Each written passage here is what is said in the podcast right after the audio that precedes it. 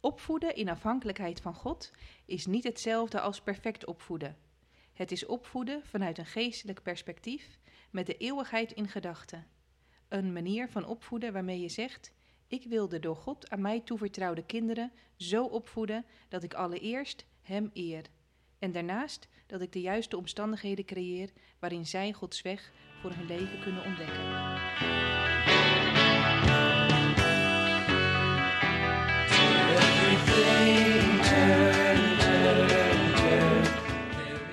Hey, goed dat je luistert naar het vierde seizoen van de Oostpodcast met Onno en René. Ze gaan in gesprek met mensen uit en dicht bij onze gemeente. Ze zoeken verbinding, durven door te vragen en willen samen met jullie groeien in geloof en werken.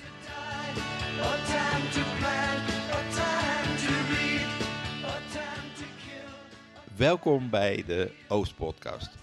Aflevering 2 van seizoen 4. Geloofsopvoeding van je kind, dat is iets wat je met vallen en opstaan moet leren. Wat is de invloed van onze eigen opvoeding? En wat is de rol van gebed? En hoe belangrijk is de gemeente? Zomaar wat vragen. In deze aflevering gaan we daarover praten met Andrea Kersen, moeder van vijf kinderen en jeugdouderling in onze gemeente. En René, waar gaan we het nog meer over? Een gouden momentje. Wegens verbouwing gesloten.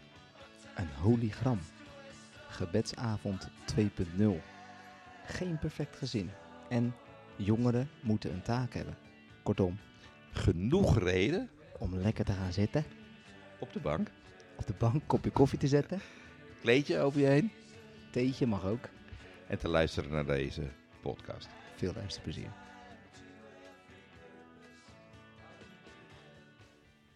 Andrea, welkom.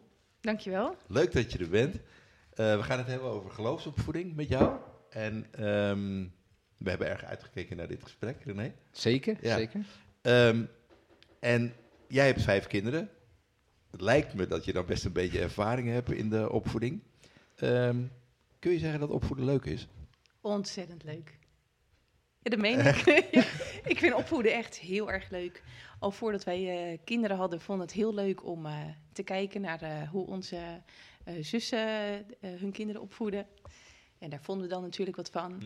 Eh, ik vind het ontzettend boeiend om over na te denken, om over te praten. En je hebt er niet altijd zin in. Soms dan doe je liever even zo. Maar ik vind het eh, zeker boeiend. Ja. En het vraagt natuurlijk wel Ja. wat aandacht. Eh, we hebben Google ook gevraagd. Ja? wat voor soort eh oudertypes je hebt. Nou, je hebt een hele, hele reeks.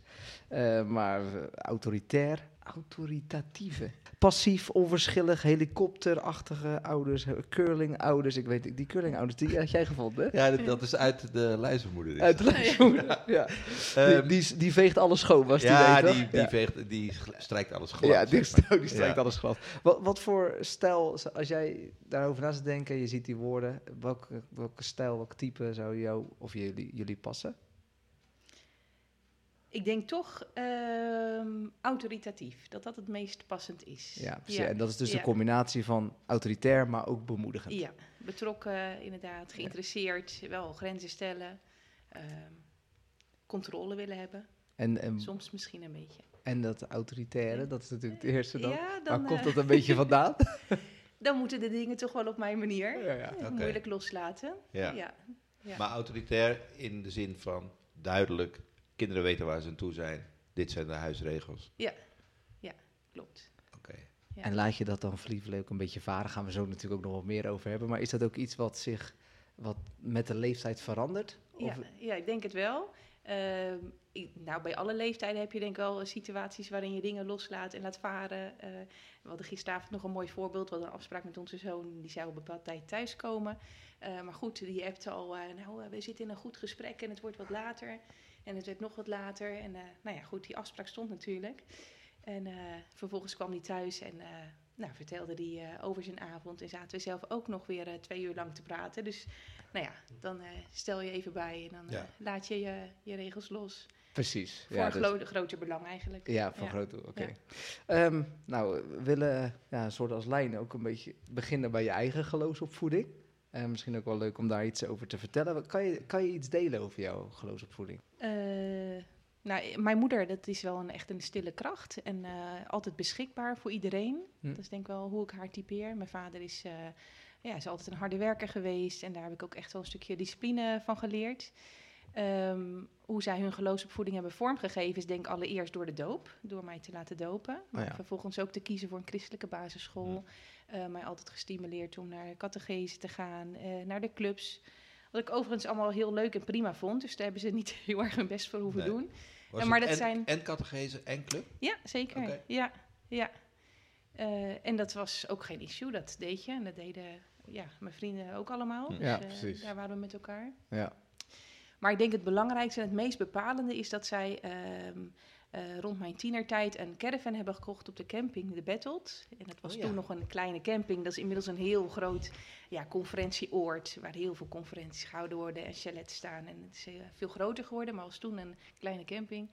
En daar heb ik echt een hele toffe tijd gehad. Oh ja. Ja, Want dat, die hadden een zomerprogramma met ja, zo sprekers met sprekers en, bijbelstudies. En daar Oh ja. ontmoet ik eh, ja, christelijke jongeren uit eh, heel Nederland, uit allerlei kerkelijke denominaties. En daar is mijn wereld heel veel groter geworden Ja. dan alleen de kerk waar ik in zat. Grappig. En dat is dan elke jaar ging je naartoe of echt regelmatig? ja, er zijn nou ja, ook de kleine vakanties. Oh ja. Eh, de- hè, de, begon dan met hemelvaart, ging het seizoen open. En dan waren in de zomer daar drie weken en in de herfstvakantie een week. En, eh, dus inmiddels kende je ook heel veel jongeren. En Precies, die, ook eh, herkenning. Ja, precies. Ja, En je ging, zocht elkaar ook op. En je ging ook samen dingen ondernemen. Of naar een jongerendag of eh, wat Ja, dan ja. ook. Oh ja. Eh, en ik denk het feit dat zij die keuze gemaakt hebben... eh, dat is voor mij heel bepalend geweest in mijn geloofsontwikkeling. En denk je Ja. dat je ouders dat bewust hebben gedaan? Dat weet ik niet. Ik denk, de aanleiding was praktisch. Mijn opa was eh, ernstig ziek en we durfden het eigenlijk niet aan om naar het buitenland op vakantie te gaan. Hm. En vandaar dat die caravan er kwam, hier in Nederland. Ehm, mijn ouders vonden het zelf ook wel mooi om eh, de studies te volgen. Ehm, maar ik weet niet of ze echt dit bewust, hebben ingezet hebben van, van- nou, dit is goed voor de kinderen. Oh, we, ja. we vonden het wel allemaal heel leuk en we hebben wel een hele goede tijd gehad. Ik denk dat ik, omdat ik de oudste was uit het gezin, wel de meeste ja, profijt heb gehad of zo van Ja. de studies ook daar. De- mijn broertjes en zusjes waren jonger en die hebben dat heel anders Ja. beleefd en die hebben dat ook niet zo meegemaakt. En kan je nog één studie Ja. noemen waarvan je denkt, dat is eentje die springt er nog uit? Daar, daar weet ik nog iets Eh, van. Nou, eh, Eddie Bakker, dat was een Zuid-Afrikaan en dat, eh, die had een heerlijk accent. Oké. En die, eh, ja, Dato Steenhuis, eh, Willem Ouweneel. eh Ik kan me voorstellen dat dat ja, echt een hele positieve impact heeft. Als Ja. je daar in Ja. zo'n Nou, sfeer ook komt. toen je 16 was, dan mocht je op, een, eh, op het eh, ja, jongens- en meidenveld. Dat je een apart jongensveld en een apart Oh ja. meidenveld. En dan mocht je dan kamperen zonder ouders. Nou, daar zaten wij tot diep in de nacht Ja. de meest eh, ja, waanzinnige discussies te voeren. Dus dat vormt je natuurlijk ook heel erg. Hè? Ja. Dat je anderen hoort van, hé, hey, hoe denk jij erover? Wat vind jij ervan? En dat waren diepe geloofsgesprekken die Ja. we voerden daar. Dus dat was... Ja. eh, Gaaf. En dan Ja. ook dus vanuit verschillende denominaties. ja, zeker. En eh, Ja. is, dan, is jouw eh, scope dan ook wat breder dan per se PKN? Ja, ja zeker eh, rond mijn achttiende ben ik echt wel andere kerken ook gaan eh, bezoeken. Ik ben nooit eh, heel erg eh, schoppend geweest, ben altijd ook meegegaan. Vond het ook altijd prima om, naar, om in de kerk te zijn. Maar ehm, mijn eh, geloofsbeleving was op dat moment wel anders. Oh ja. Als dat ik zelf in de kerk eh, ervaarde. En daar lieten mijn ouders me ook vrij in. Die vonden het ook prima dat ik dat deed. Ehm, dus dat is van hen natuurlijk ook weer een keuze geweest. En eh, nou ja, dat is ook vormend geweest. Ja. Ja. Hey, dit was geloofsopvoeding eh, op de catechese, op de club, op de battled en thuis? Keuzes die En je thuis. ouders maakten of Ja, zo? ik vind Zijn dat die nog heel- van invloed geweest? Eh, nou, ik vind het mooi dat je dat zegt. Want als je denkt aan geloofsopvoeding, dan zijn er eigenlijk denk ik twee aspecten. Je hebt natuurlijk de geloofsoverdracht en je hebt geloofscommunicatie. En ik denk de geloofsoverdracht heeft met name plaatsgevonden hè, eh, op de catechese en in de kerk en eh, het bijbellezen aan tafel. Maar geloofscommunicatie is natuurlijk wat anders. En ik denk dat dat wel iets is wat ik ehm, ja, gemist heb thuis. Ehm, er werd wel gebeden en er werd Bijbel gelezen aan tafel. Maar echt het persoonlijke, hè, echt de vertaalslag naar het leven van alle dag, dat, dat heb ik wel gemist. Ja. En eigenlijk niet echt geleerd. Ehm, en daarin zie ik wel dat mijn ouders nu ook daar hun eigen weg in zijn gegaan. Oh ja. Hè, dus, dus je ontwikkelt als mens altijd. Eh, maar als kind heb ik nooit echt geleerd om hardop te bidden of om ja, geloofsgesprekken te voeren. Ja. Of, eh, ja, daar werd ik nooit heel erg geprikkeld om daar echt over na te denken. Het was een vaste zekerheid in ons Ja. gezin. Ja. Eh, het was een basis van waaruit we leefden. Maar het, ja, dat hele persoonlijke, dat heb ik niet zozeer van huis uit geleerd. Het is meer op de battle gevormd. En later ook door eh, gesprekken met eh, ja, mensen om je heen. Ja, en heb je bijvoorbeeld met je broer of zussen, heb je daar dat wel gehad? Dat, je, dat die bestuiving daar wel was? Nou, we zijn allemaal wel heel anders in het leven. En ik ben de oudste van vier. Eh, en dat komt nu door de jaren heen steeds meer. Dat we die gesprekken kunnen voeren. Ook al staan we anders in het leven, staan we wel open voor elkaar. Er is respect. Ehm, maar het blijft moeilijk. oh ja. En ergens is dat jammer, dat je dat met je eigen broers en zussen toch...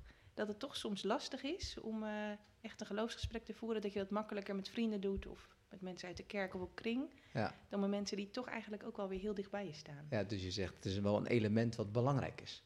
Zeker. Ja, dus nou goed, Ja. we gaan het er vast over Ja. hebben dan. Ja, Gaat want, want gaat zo uiteindelijk heb je daar dus zelf vorm aan moeten geven. Ja. Ja. ja, en ik denk ook wel eh, vrij jong ook een relatie gekregen. Ik was eh, 17. eh, Was dat toen ik, eh, toen al, Bram? Dat was Bram, Oh. ja. ja. En dan ga je samen ook zoeken hè, van... eh, eh, we zaten in de Oostpoort, allebei. Maar we zijn toen gaan zoeken van wat is een kerk die bij ons past. Verschillende kerken ook bezocht. Uiteindelijk ook bewuste keuze voor de Oostpoort gemaakt. Mhm. Eh, maar daarin vorm je elkaar ook. Ja. Dus dat, eh, ja, Als je kijkt naar de Oostsport zelf, je noemt al, hoe heeft de Oostsport jou opgevoed? Ja, dat vind ik een moeilijke vraag. Ik noem natuurlijk al de catechese en de, en de clubs. Daar heb ik een hele goede tijd gehad. Daar heb ik natuurlijk ook wel gewoon eh, dingen geleerd over geloof. Maar ik denk wat me het meest is bijgebleven, dat zijn de jongerendiensten. Toen ik eh 18 was, nee jonger denk ik, jaar of 16, eh, gingen we met Janna Goort eh jongerendiensten organiseren. Dat was in de Vredeskerk. Alle stoelen gingen Alle de kerk uit. eruit, Ja, vloerbedekking ja. erin, iedereen met zijn kont op de grond. Een band in de kerk. Nou, dus dat was redelijk eh, revolutionair toen. En we gingen dan van tevoren op bezoek bij, eh, bij, de, bij de dominee, zeg maar. Dus we hadden een voorgesprek. En dat vond ik heel bijzonder. Om dan eh, een thema te bedenken met elkaar en eh, ja, daarover te spreken dan. Ja. En dan ook de dienst helemaal te bedenken, de liederen en te leiden. En ja, dat zijn wel hele mooie herinneringen die ik heb ook aan, aan die tijd. Ja, en het grappige is, jij zegt, Onno, je moet jongeren betrekken. Toch? Bij, bij Ja. dingen doen. Ja, zeker. Dit is wel Ja, echt een dit is voorbeeld. mooi. Ja. Ik vind altijd, je moet jongeren zo snel mogelijk een taak geven. ja, absoluut. Dat denk ik ook, ja. Ehm, maar hoe, hoe heeft het je geloof opgebouwd? Kan, kan je dat nog herinneren of zeg je het was gewoon een mooie ervaring? Ehm, ik vond het heel leuk om, be- om betrokken te zijn inderdaad, om een taak te hebben, om eh, me in te zetten. Ik was ook heel jong toen ik in de nevendienst ging. Ik was eh, 13, toen werd ik assistent. Prima. En ik was Ja. 18, toen werd ik leiding en eh, coördinator van de onderbouw. Dus, Oh joh. dus zat ik eh, in een team van... Dat niet Ja. jeugdouderling. ja. Dus me ook altijd wel betrokken gevoeld. En ik denk, ja, ook als je jong bent inderdaad, dan uh, ja, je wordt ook gezien. Dus je, je, Ja. ja. het vergroot je betrokkenheid ook. Ja, maar het is, ook wel jouw, het is ook wel jouw actie. Om dat toch ook dan te doen. Want je werd daarvoor gevraagd en dan zei je volmondig ja. Of eh, was je dan met een groep vrienden die zegt, nou, let, laten we het met Eh, elkaar nee, doen. Ik, nee, ik was alleen. Ik vond kinderen altijd al leuk. Ik had al heel jong oppasgezinnen. En ik dacht, nou ja, ik wil iets doen in de kerk. Dus nee, toen ben ik zo assistent geworden. En toen van het een en Ja. ander, jeugdleider. En, En, en heeft het dan uiteindelijk ook eens... Heb je ook een keer een moment gehad dat je dacht van de kerk... Nee, ik, ik, even niet. Eigenlijk niet. Nee, dus je Nee, altijd nee. gewoon een Nee, interne... heel, Dit is al een beetje wat we vreesden. ja, ja, geen spectaculaire verhalen. Nee, geen recalcitrante puber geweest. Nee. Nee. nee. ik vond het altijd prima om eh, met mijn ouders mee te gaan. Ja. Ja. En heb je ook Ja. vrienden om je heen gehad die dat wel hadden?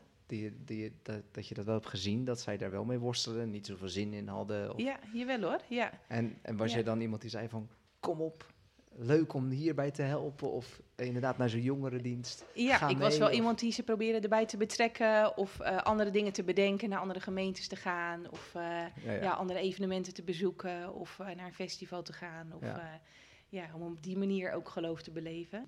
Dus jij had er gewoon een drijf van, dit Ja. is wel echt belangrijk Ja. nieuws. Ja. Wa- wanneer wist jij van, dit is belangrijk nieuws? Ja. Dit is iets om te weten.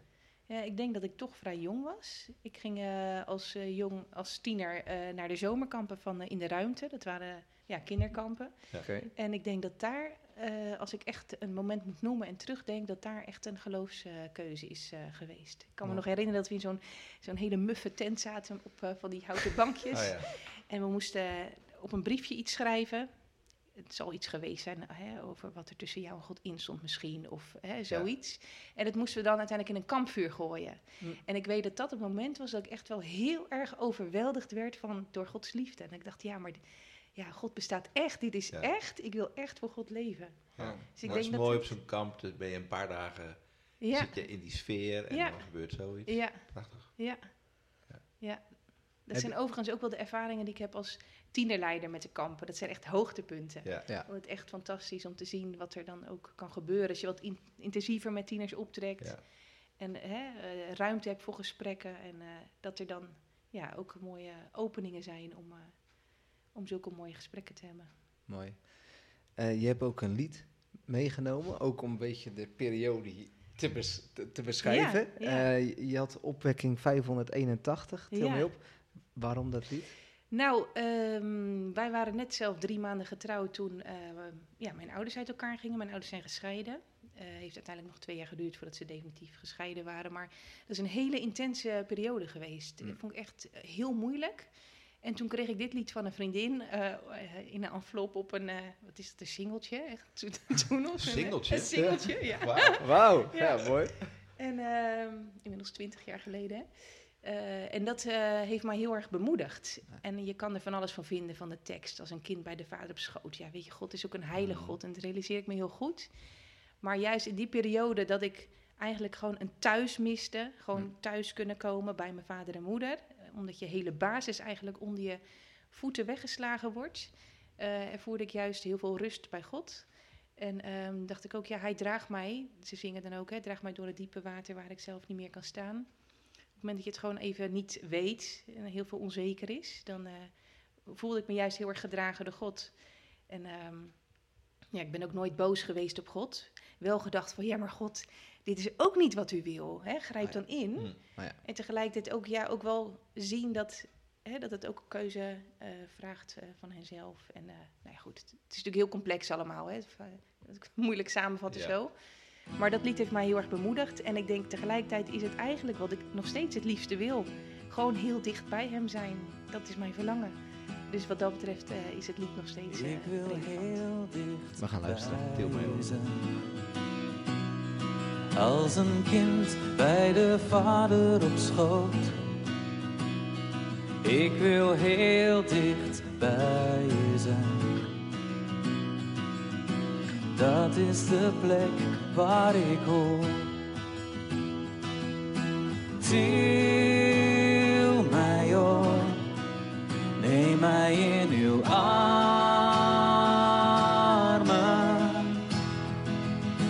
Til mij op, houd mij dicht tegen u aan. Mooi lied, Andrea. Bob mocht er nog wel een elektrische gitaar bij. Het is al een oude opwekking, hè? Dus, eh, Ehm, we hadden het even over de opvoeding thuis en in de kerk. Wat, wat is nou typisch iets wat je hebt meegenomen van die tijd? Nou, ehm, mijn moeder was iemand, zoals ik al zei, die eh, op de achtergrond ontzettend veel deed en altijd beschikbaar was voor anderen. Eh, en dat is wel iets wat ik ook heel graag wil, beschikbaar zijn voor anderen. Eh, dienstbaar zijn, dus eh, in praktisch opzicht. Ehm, ja, verantwoordelijkheden eh, oppakken, je verantwoordelijk voelen. Ehm, trouw zijn, vind ik heel belangrijk. In die zin heb ik wel echt een hele Calvinistische opvoeding gehad. En merk ik dat ik dat ook wel heel belangrijk vind om trouw te zijn. Om ja, je te committeren aan iets waar je aan begint. Ja. En ook hè, aan je gemeente en de, Mhm. de plek die je daarin hebt. Eh, dus dat is iets wat ik meegekregen heb en denk ook wel, ja, probeer eh, voor te zetten, zeg maar. En andersom. Wat heb je meegekregen thuis of in de kerk waarvan je denkt van... Dat heb, dat heb ik toch wel achter me gelaten. Het laatste woordje herhalen van het Bijbelverhaal wat mijn vader aan tafel voorleest. Oh ja, dat is waar, ja. Dat... Echt zo'n onzin. Ik denk, ja, 9 van de 10 keer kon je het toch altijd zeggen zonder dat je enig idee had waar het over ging. Nee, dat klopt. Je moet het eerste woord kunnen zeggen. Ja, ja. Oh, grappig, ja. ja. En je noemde net natuurlijk ook dat gesprek, dat geloofsgesprek, wat je dan intern eh, voert. Dat is niet, Ja. ja, dat kan je niet echt laten. Maar dat is wel iets wat je zelf Wat bent je gaan aanvullen. ja, precies, ja. ja. We leerden wel eh, eh, liedjes, hè, we zongen ook wel. En eh, we hadden de standaard gebedjes als we naar bed gingen. Mm. Maar dat is wel iets waar we heel bewust voor hebben gekozen om dat anders te doen. Of wat je, ja, waar je anders op bent over gaan denken misschien wel. Door echt bewust met de kinderen wel een open gebed te hebben. Ja, ja want ik zie het even voor me. Gewoon aan tafel zitten, vijf kinderen en dan ja, pop, ja. popcorngebed. Popcorngebed. ja. ja. Dus met elkaar gewoon bidden, delen wat de dag. Ja, niet altijd. Nee, zeker niet. Nee hoor.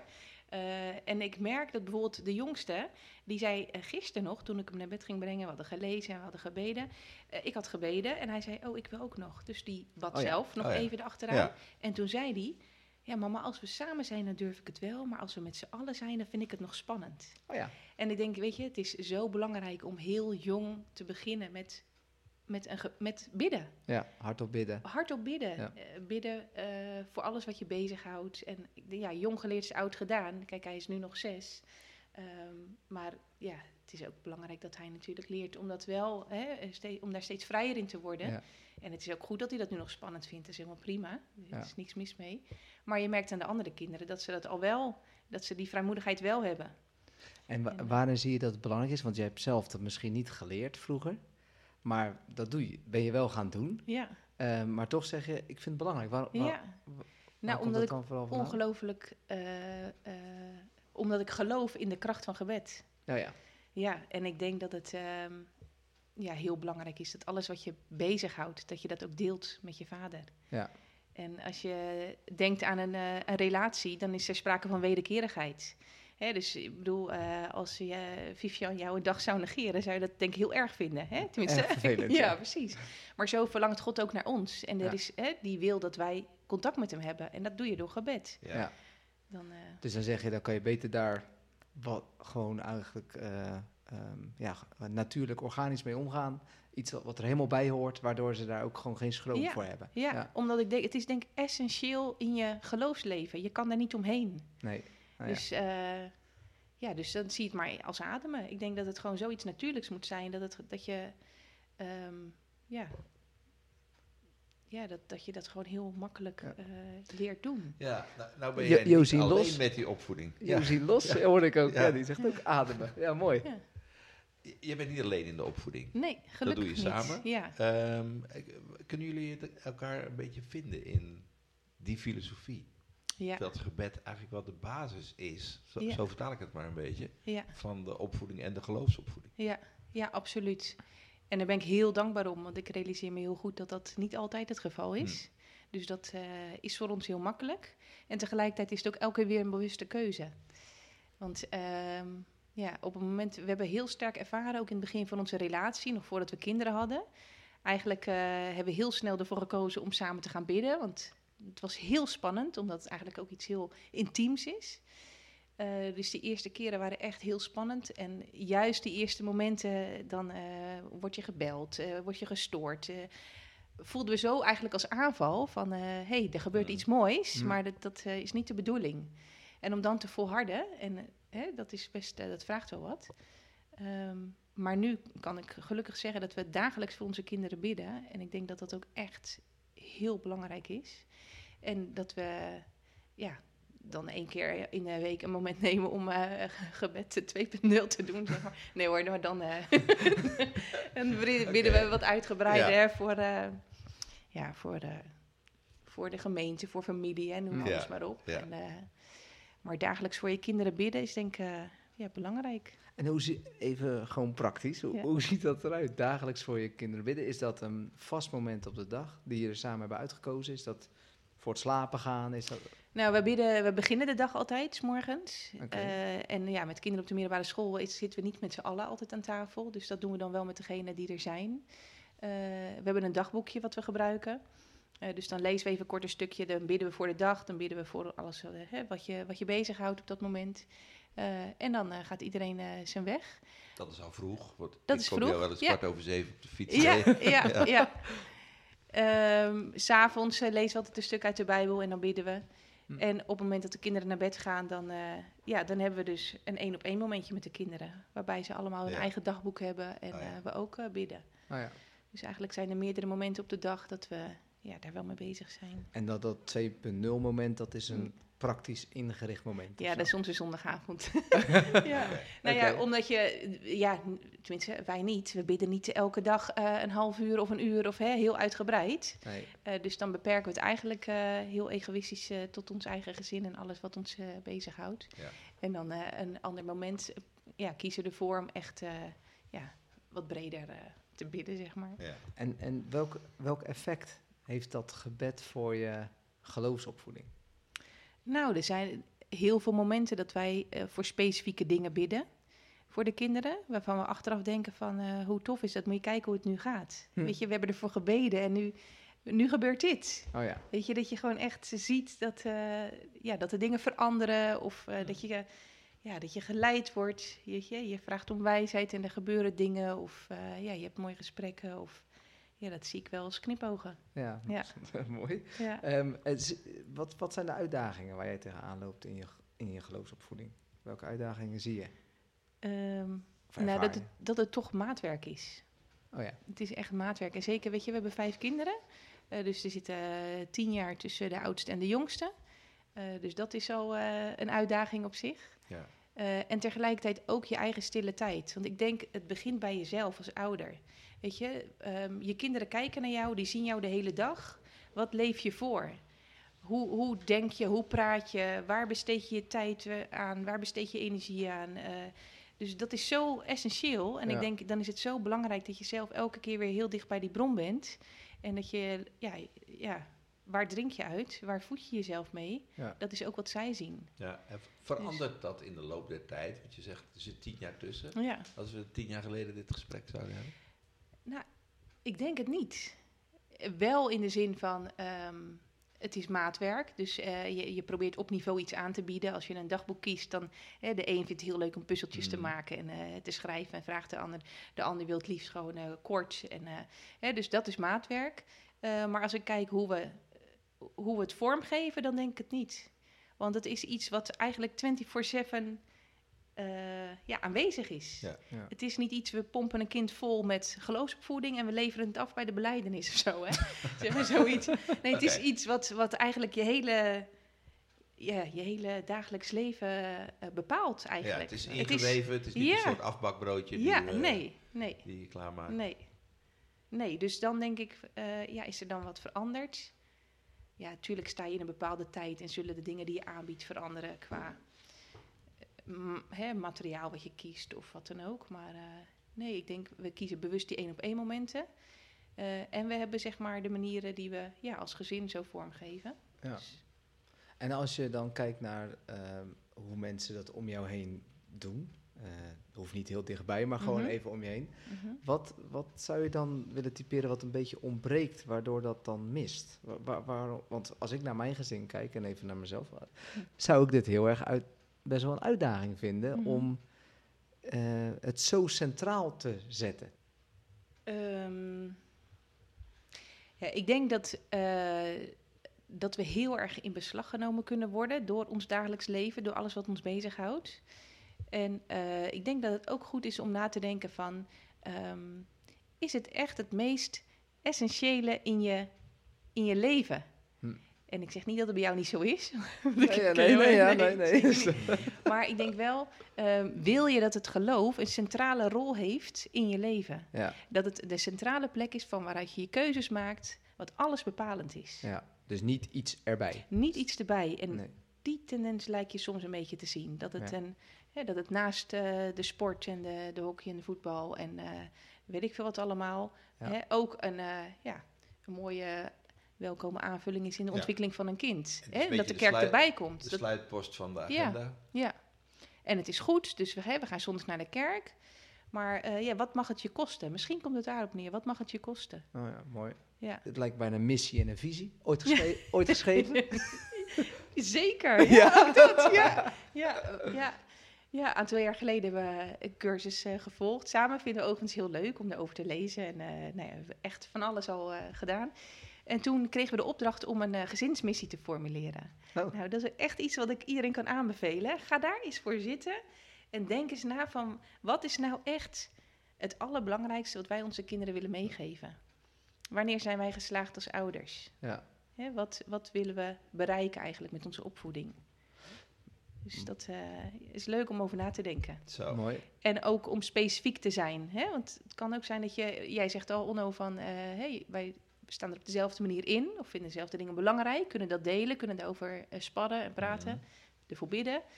Maar er zijn natuurlijk ook eh, gezinnen waar dat niet zo is. En dan is het heel leuk om te bedenken van, eh, ja, wat is nou onze missie van de opvoeding? Ja. Om Ja. daar samen eens over te worden. ja. En, eh, En hoe monitor je zo'n missie? Want je zegt het is een aantal jaar geleden dat we die cursus gedaan hebben. En stel nou dat je je missie in rook ziet opgaan. Ja, die eh, moet je dan bijschaven, hè? We hebben elk jaar een functioneringsgesprek. Ja, is dat zo? Nee. nee. Is dat de zondagavond om het te monitoren dan? Eh, vaak wel. Ja, met een wijntje. Ja, dan is het regelmatig onderwerp van gesprek. Van, eh, ja, hoe vind je dat dat gaat? Of, Ja. ja. ja. Maar, ja, want ik denk dat het wel belangrijk is om... eh, je, kan, je kan iets formuleren, maar vervolgens moet het ook wel... eh, ja, natuurlijk terugkomen en... eh, Ja, dus ne- neem, het, neem de, de term opvoeding en geloofsopvoeding heel serieus. Kijk even naar jou. Nee, Ja, we, nee, hebben het ja, vaker over ja, gehad ja. hier aan tafel. Dat we zeiden van, ja, we, we gunnen eh, onze kinderen het allerbeste op elk gebied. En geloof, ja, moeten ze zelf maar eventjes een beetje uitzoeken en over nadenken. En eh, als ze dat echt willen, dan komt dat later wel. Ja. Ja, en dan kom je denk ik toch weer terug.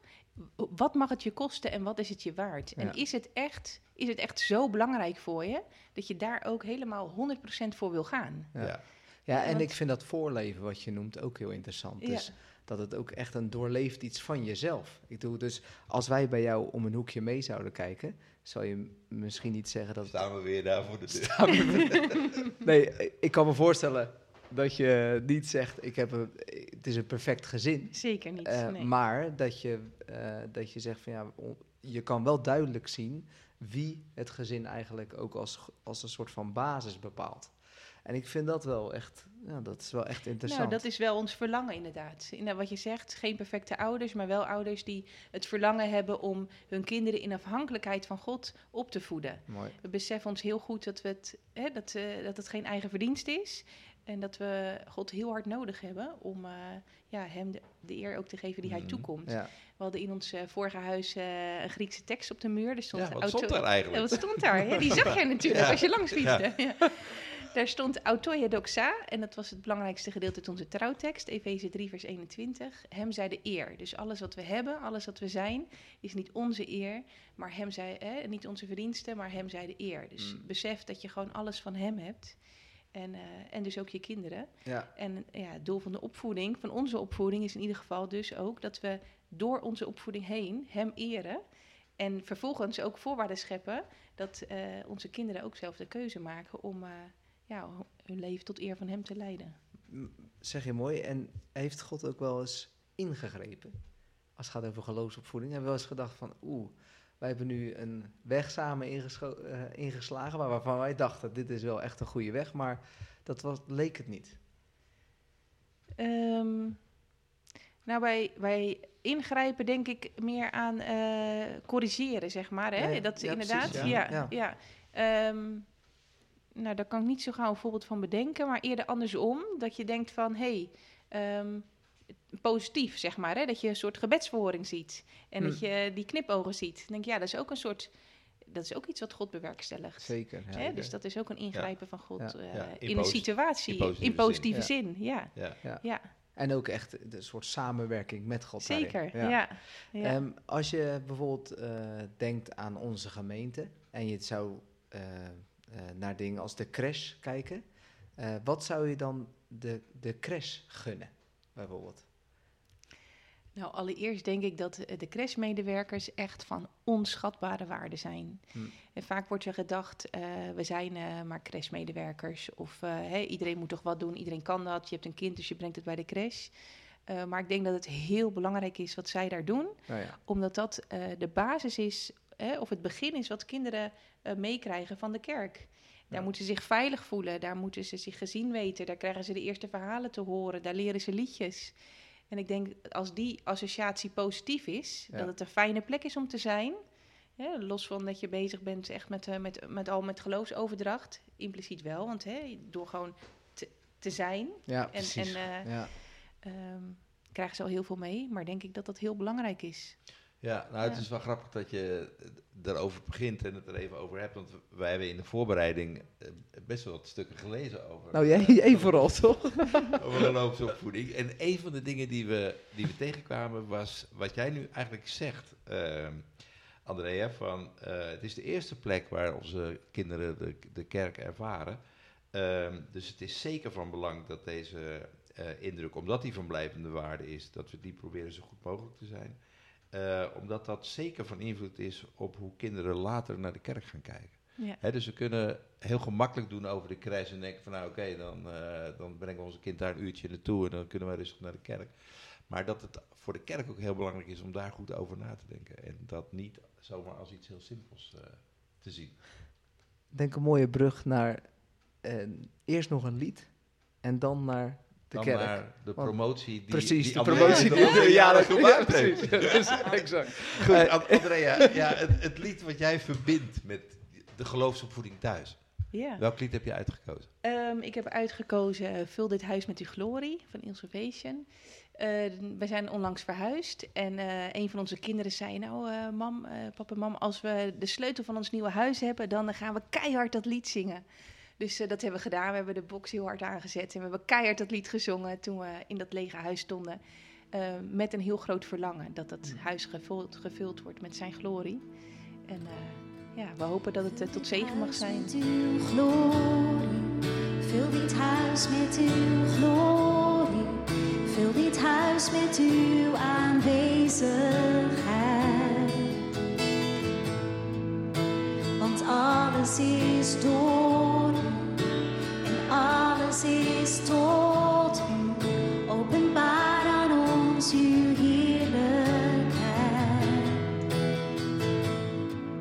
Vul dit huis met uw glorie. Andrea, we zitten zo te praten over eh, de geloofsopvoeding die jij samen met Bram eh, vormgeeft. Ik kan me ook een beetje voorstellen dat de mensen nu thuis luisteren en denken van... De moed zakt me in de schoenen. Dit is wel heel hoog gegrepen. Ja. Nee?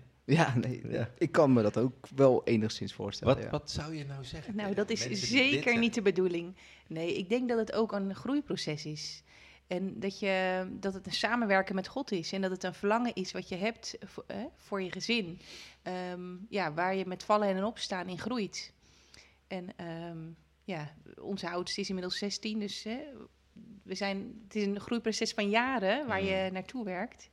En eh, ja, nogmaals, met vallen en opstaan. Want ook bij ons gaan de dingen niet goed. Of eh, hè, Ja. die je ja, niet eh, handig hebt aangepakt. Of eh, waarvan je denkt, oh ja, Ja, we hadden het ook in gebed moeten brengen. ja. Het is een, een houding van je uitstrekken naar. Ja, ja. En weet je, aan de ene kant is het 100% genade en zijn we absoluut heel dankbaar. En tegelijkertijd is het denk ik ook 100% je eigen keuze. Dus het is en-en. Het is Ja. en genade, maar Ja. ook een keuze. Ja. Eh, Waar is je, ja, wat is je hartsgesteldheid? Wat is je verlangen? En ehm, ja, wat mag het je kosten? Mooi. Ja, en dan eh, dat verlangen en die hartsgesteldheid, die neem je ook mee in onze kerk. Daar zijn we enorm blij mee. Jij bent onze jeugdouderling. Nou, dat is wel, denk ik wel echt top als dit als jeugdouderling natuurlijk ook bij ons in Samen onze met gemeente is. anderen, gelukkig. Samen met Ja. Uiteraard, maar Ja. jij ook eh, in je rol. Ehm, eh, hoe lang ehm, eh, ben je eigenlijk ouderling in onze gemeente? Even voor de praktische feiten. Januari twee jaar, dacht ik. Ja, ik ben bevestigd in corona, zonder gemeente erbij. Oh, alleen met mijn eigen gezin. Dat was heel bijzonder. Was tegelijkertijd ook wel mooi dat je beseft van ja, ik sta hier voor God. Mooi. En, dus dat was heel mooi. Maar januari twee jaar. En waarom, waarom heb je ja gezegd? Waarom heb je gezegd? Ehm, ik denk dat het een combinatie is van urgentie voelen en affiniteit hebben met jongeren. Ik vind eh, ja, kinderen, tieners, jongeren vind ik fantastisch. De manier Ja. van denken en eh, samen optrekken. Eh, maar ook eh, de urgentie die ik ervaar van eh, ouders willen bemoedigen. En ja, eigenlijk willen helpen om eh geloofstappen te zetten. Ja. En om het echt ja, vorm te geven. Ja, Weet je, we zijn natuurlijk als kerk denk ik heel goed in geloofsoverdracht. En aan allerlei activiteiten die we organiseren. En hè, denk aan de kindernevendienst en follow me, noem maar op. Maar geloofsopvoeding is geloofsoverdracht, maar ook een stuk geloofscommunicatie. En ik denk dat Ja. dat ja, Ja. de way of life is waar we over gesproken hebben. Waarin ik ouders wil bemoedigen en wil uitdagen. eh, ja, om daarvoor te kiezen en daarvoor te dus- gaan. Dus dat was eigenlijk maar één functie waar je ja op ging zeggen. Wij zeiden eigenlijk nog, zou ze ook ja gezegd hebben op een hele andere functie in de kerkraad. Nou ja, jeugd heeft het hard. Precies. De jongeren hebben het hard. Hey, Mooi, mooi gezegd. Hoe, hoe geef jij vorm? Hoe, hoe geef jij vorm aan deze functie? En nou, we hebben een heel mooi team. We hebben het OJA, het Overleg Jeugdambtsdragers. En daar zit eh, Heidi OJA? ook in. Ja, het OJA, Overleg Jeugdambtsdragers. Oh ja, oh ja. Oh ja, leuk. Ehm, eh, en wij hebben vorig jaar zomer de hele... breed is dat? Wat is, Eh, nee, dat is alleen eh, vanuit de O-sport en dan met STEP. Ehm, vorig jaar zomer hebben we de hele kerkenraad het boek Samen Jong gegeven. Er is misschien al het een en ander Oh over eh, gehoord, eh, Ja. bekend geworden. En daar zijn we heel enthousiast over. Dat is vertaald vanuit Amerika. Is er een onderzoek gedaan onder verschillende kerken. Waarbij jongeren gevraagd is van hè, wat, ehm, ja, wat maakt nou dat, wat jullie, hè, dat jullie naar de kerk gaan. Dus ze hebben gemeentes gevraagd waar heel veel jongeren zijn die heel actief zijn. Gekeken van wat is nou het succes eigenlijk? Hè? Waarom, waarom komen deze jongeren naar de kerk? Ja. Ehm, dat is vertaald en ehm, ja, toegepast naar de Nederlandse situatie. En daaruit zijn zes kernwaarden eh, geformuleerd. En binnen het OJA hebben, die, hè, hebben wij gekeken van nou, welke kernwaarden zijn voor onze gemeente nou relevant en waar willen we verder in groeien. En kort, eh, als je dat nu hoog over zou moeten noemen, zeg je dan, is dat eh, jongeren betrekken? Of wat was echt hetgeen wat er eigenlijk uit... Ik denk jongeren centraal stellen. Zo, Oké. Ja, daar en we willen echt naar, ja, het klinkt misschien heel hip, maar intergenerationeel gemeente zijn. Dus echt die verbindingen leggen. Wat je nu ziet is dat er heel veel eh ja, doelgroepdenken is eigenlijk. Hè. Voor Mhm. elke doelgroep is er wel iets georganiseerd.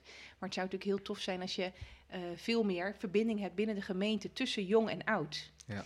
Want eh, als wij starten met een eh, nieuw seizoen, dan, eh, ja, dan probeer ik de clubleiders ook te inspireren om de tieners onder te verdelen. En dan zeg ik van nou, neem nou allemaal eens vijf tieners die je ziet, die je wat extra aandacht geeft. En het hoeft helemaal niet groots, hè, maar zie ze op een clubavond of stuur een appje als examen hebben of nou, noem maar op. Oh ja. Ehm, maar we waren een paar weken terug bij een inspiratieavond voor alle jeugdwerkers in Sint-Jan. En daar ben ik naar een lezing geweest van Corjo Matsinger.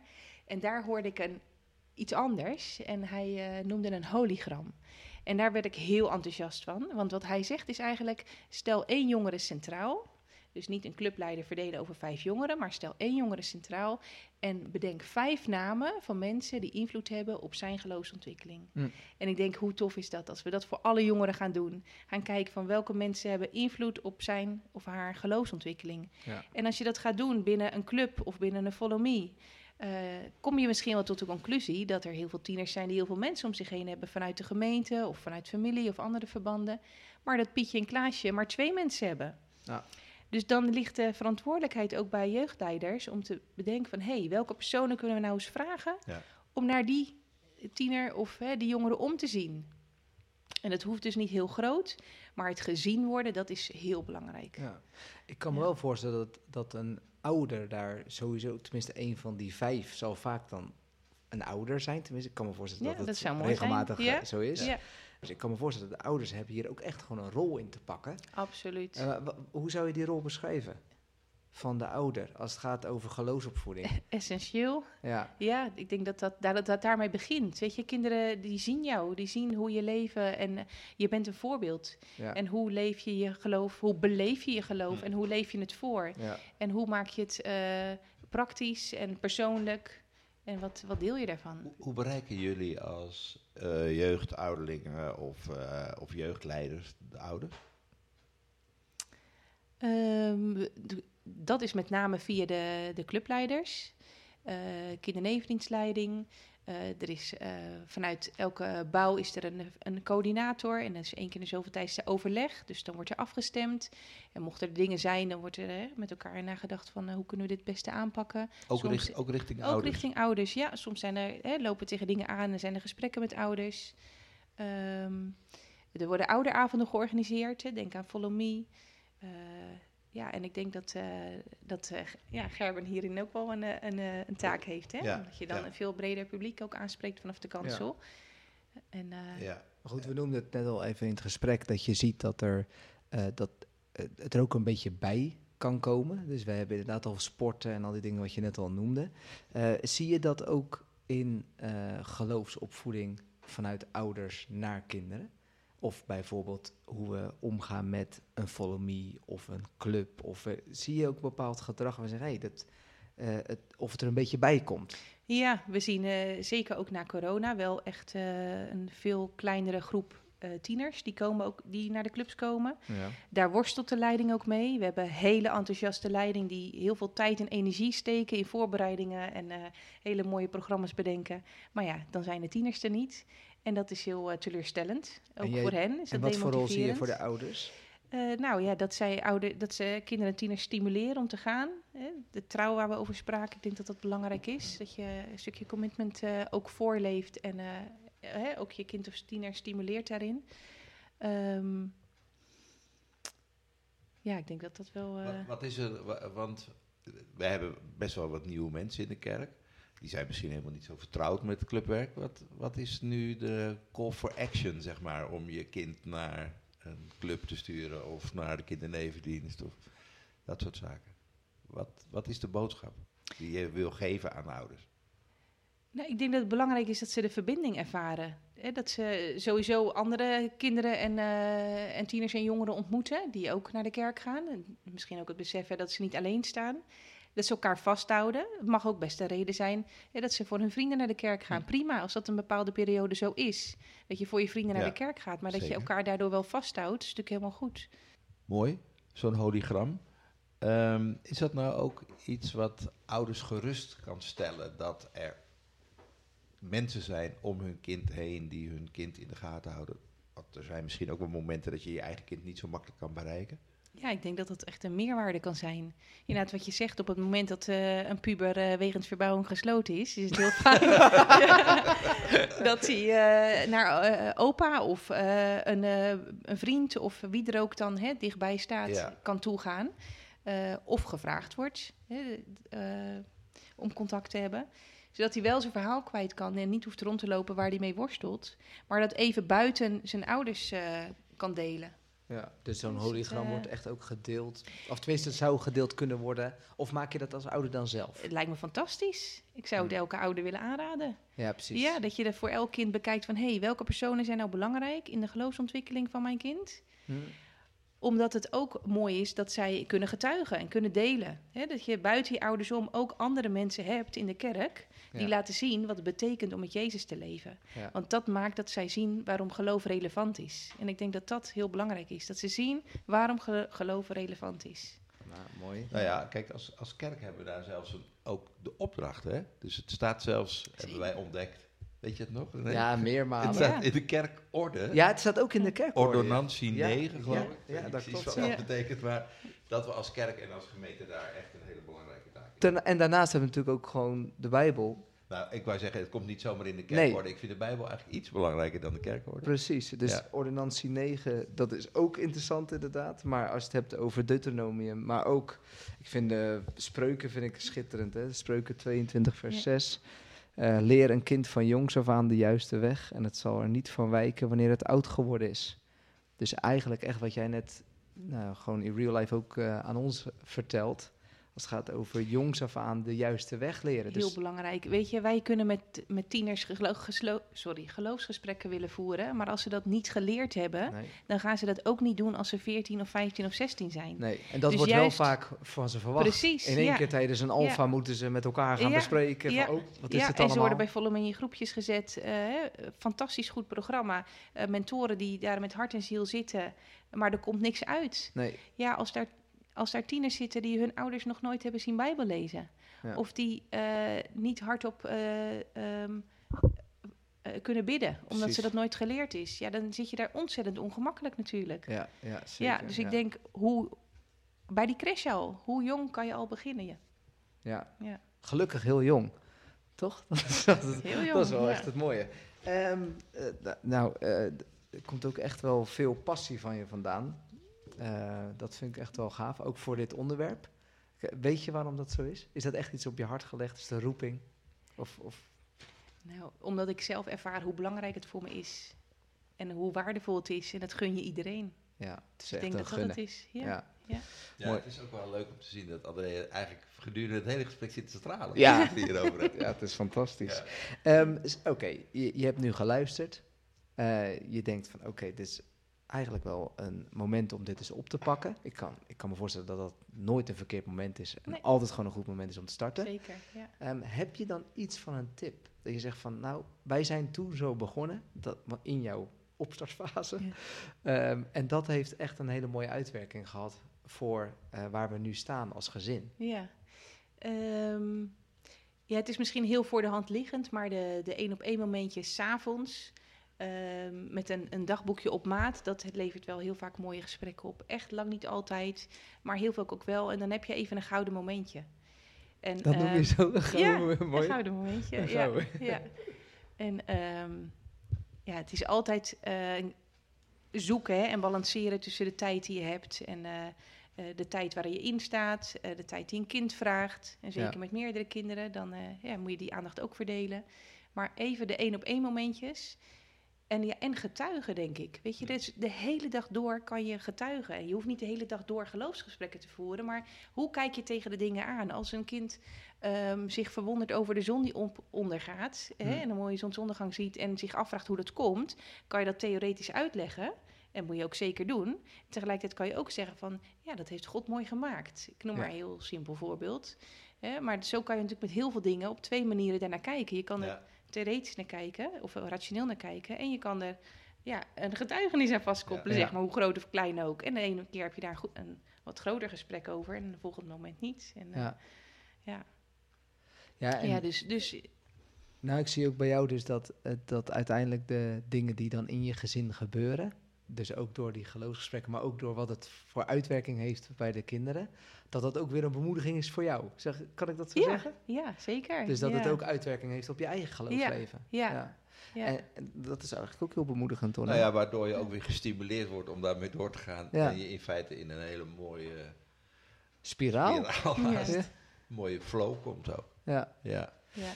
ja, en bidden. Ik denk, weet je, praat eerst met God over je kinderen voordat je met je kinderen over God praat. Ik wil echt ook echt aanmoedigen om echt te bidden voor je kinderen. Hm. En als het lukt om ook de stap te zetten om samen te bidden. Om gewoon voor alles wat hem bezighoudt. Weet je, en dat kan natuurlijk heel klein, eh, s s'avonds bij het naar bed gaan. En eh, ja, daar, ik denk als je daarin jezelf oefent, dat je daar ook steeds vrijer in wordt. En de een zal het misschien makkelijker kunnen dan de ander. Maar ik denk wel echt dat het essentieel is. Mooi. En zoek mensen op. Ja, Zeker oh, mensen dat, die dat ook- is een goeie, ja. Maar Heb, je wel, heb jij inderdaad wel eens mensen betrokken? Want je noemde net eigenlijk een hologram. Heb jij een Ja. hologram aan mensen om je heen gehad? Nou, Of je denkt, ja, dat waren wel echt Ehm, geloofssteunpilaren. eh, ja, die heb ik wel gehad. Oh. Ja. En dat eh, varieerde van eh, vriendinnen tot eh, nou, eh, mensen uit de kerk, tot eh, familie. Ja. Ja. Ehm, ook omdat ik er misschien zelf wel makkelijk over praat of kwetsbaar durf te zijn of dingen durf te vragen. Ehm, maar ook als je dat niet hebt, wil ik wel echt eh, aanmoedigen om. eh, ik denk dat het heel belangrijk is dat je mensen om je heen hebt met wie je dat eh, kan delen. Ja. En ja, ook om gewoon naar elkaar toe te getuigen. Gewoon hoe, hoe God werkt en, en ook al het ze bemoedigen. Weet je, Ja, ook als het, ook omdat het niet allemaal vanzelf gaat en het best soms lastig is. En, Ja, en ook de praktijk of kinderen soms ook weer, eh, weer barstig kunnen zijn. Zeker, ja. Ja. Dat, eh, ja. De ene, ene kind zit stil in de kerk en de andere Ja, kind... Eh, ja. Maar goed, eh, nou, super inspirerend. Vind ik. Ik vind ja het wel echt heel mooi. dit vind ik mooi. een Ja. mooi onderwerp. En bemoedigend. ja. En ik hoop ook, ook inspirerend voor veel mensen die luisteren. Absoluut. Ehm, hebben we nog een lied om mee te eindigen, Orno?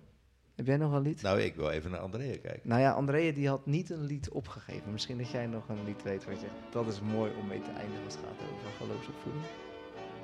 Ja, lees je Bijbel, bid elke dag. ja, dat vind ik inderdaad een goeie. Ja, dat vind ik een goeie. Eh, tot de volgende. Ja, bedankt.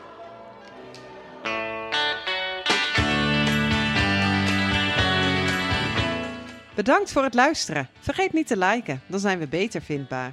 Voor achtergronden en beeldmateriaal abonneer je op ons Instagram kanaal, oost.podcast. Wil je reageren? Stuur een berichtje of spreek René en Onno aan. Vinden ze oprecht leuk. Deze podcast is mede mogelijk gemaakt door Bob Luursema, Dick Timmer en mijzelf, Marjolein Ouwerkerk. Tot de volgende. Doei!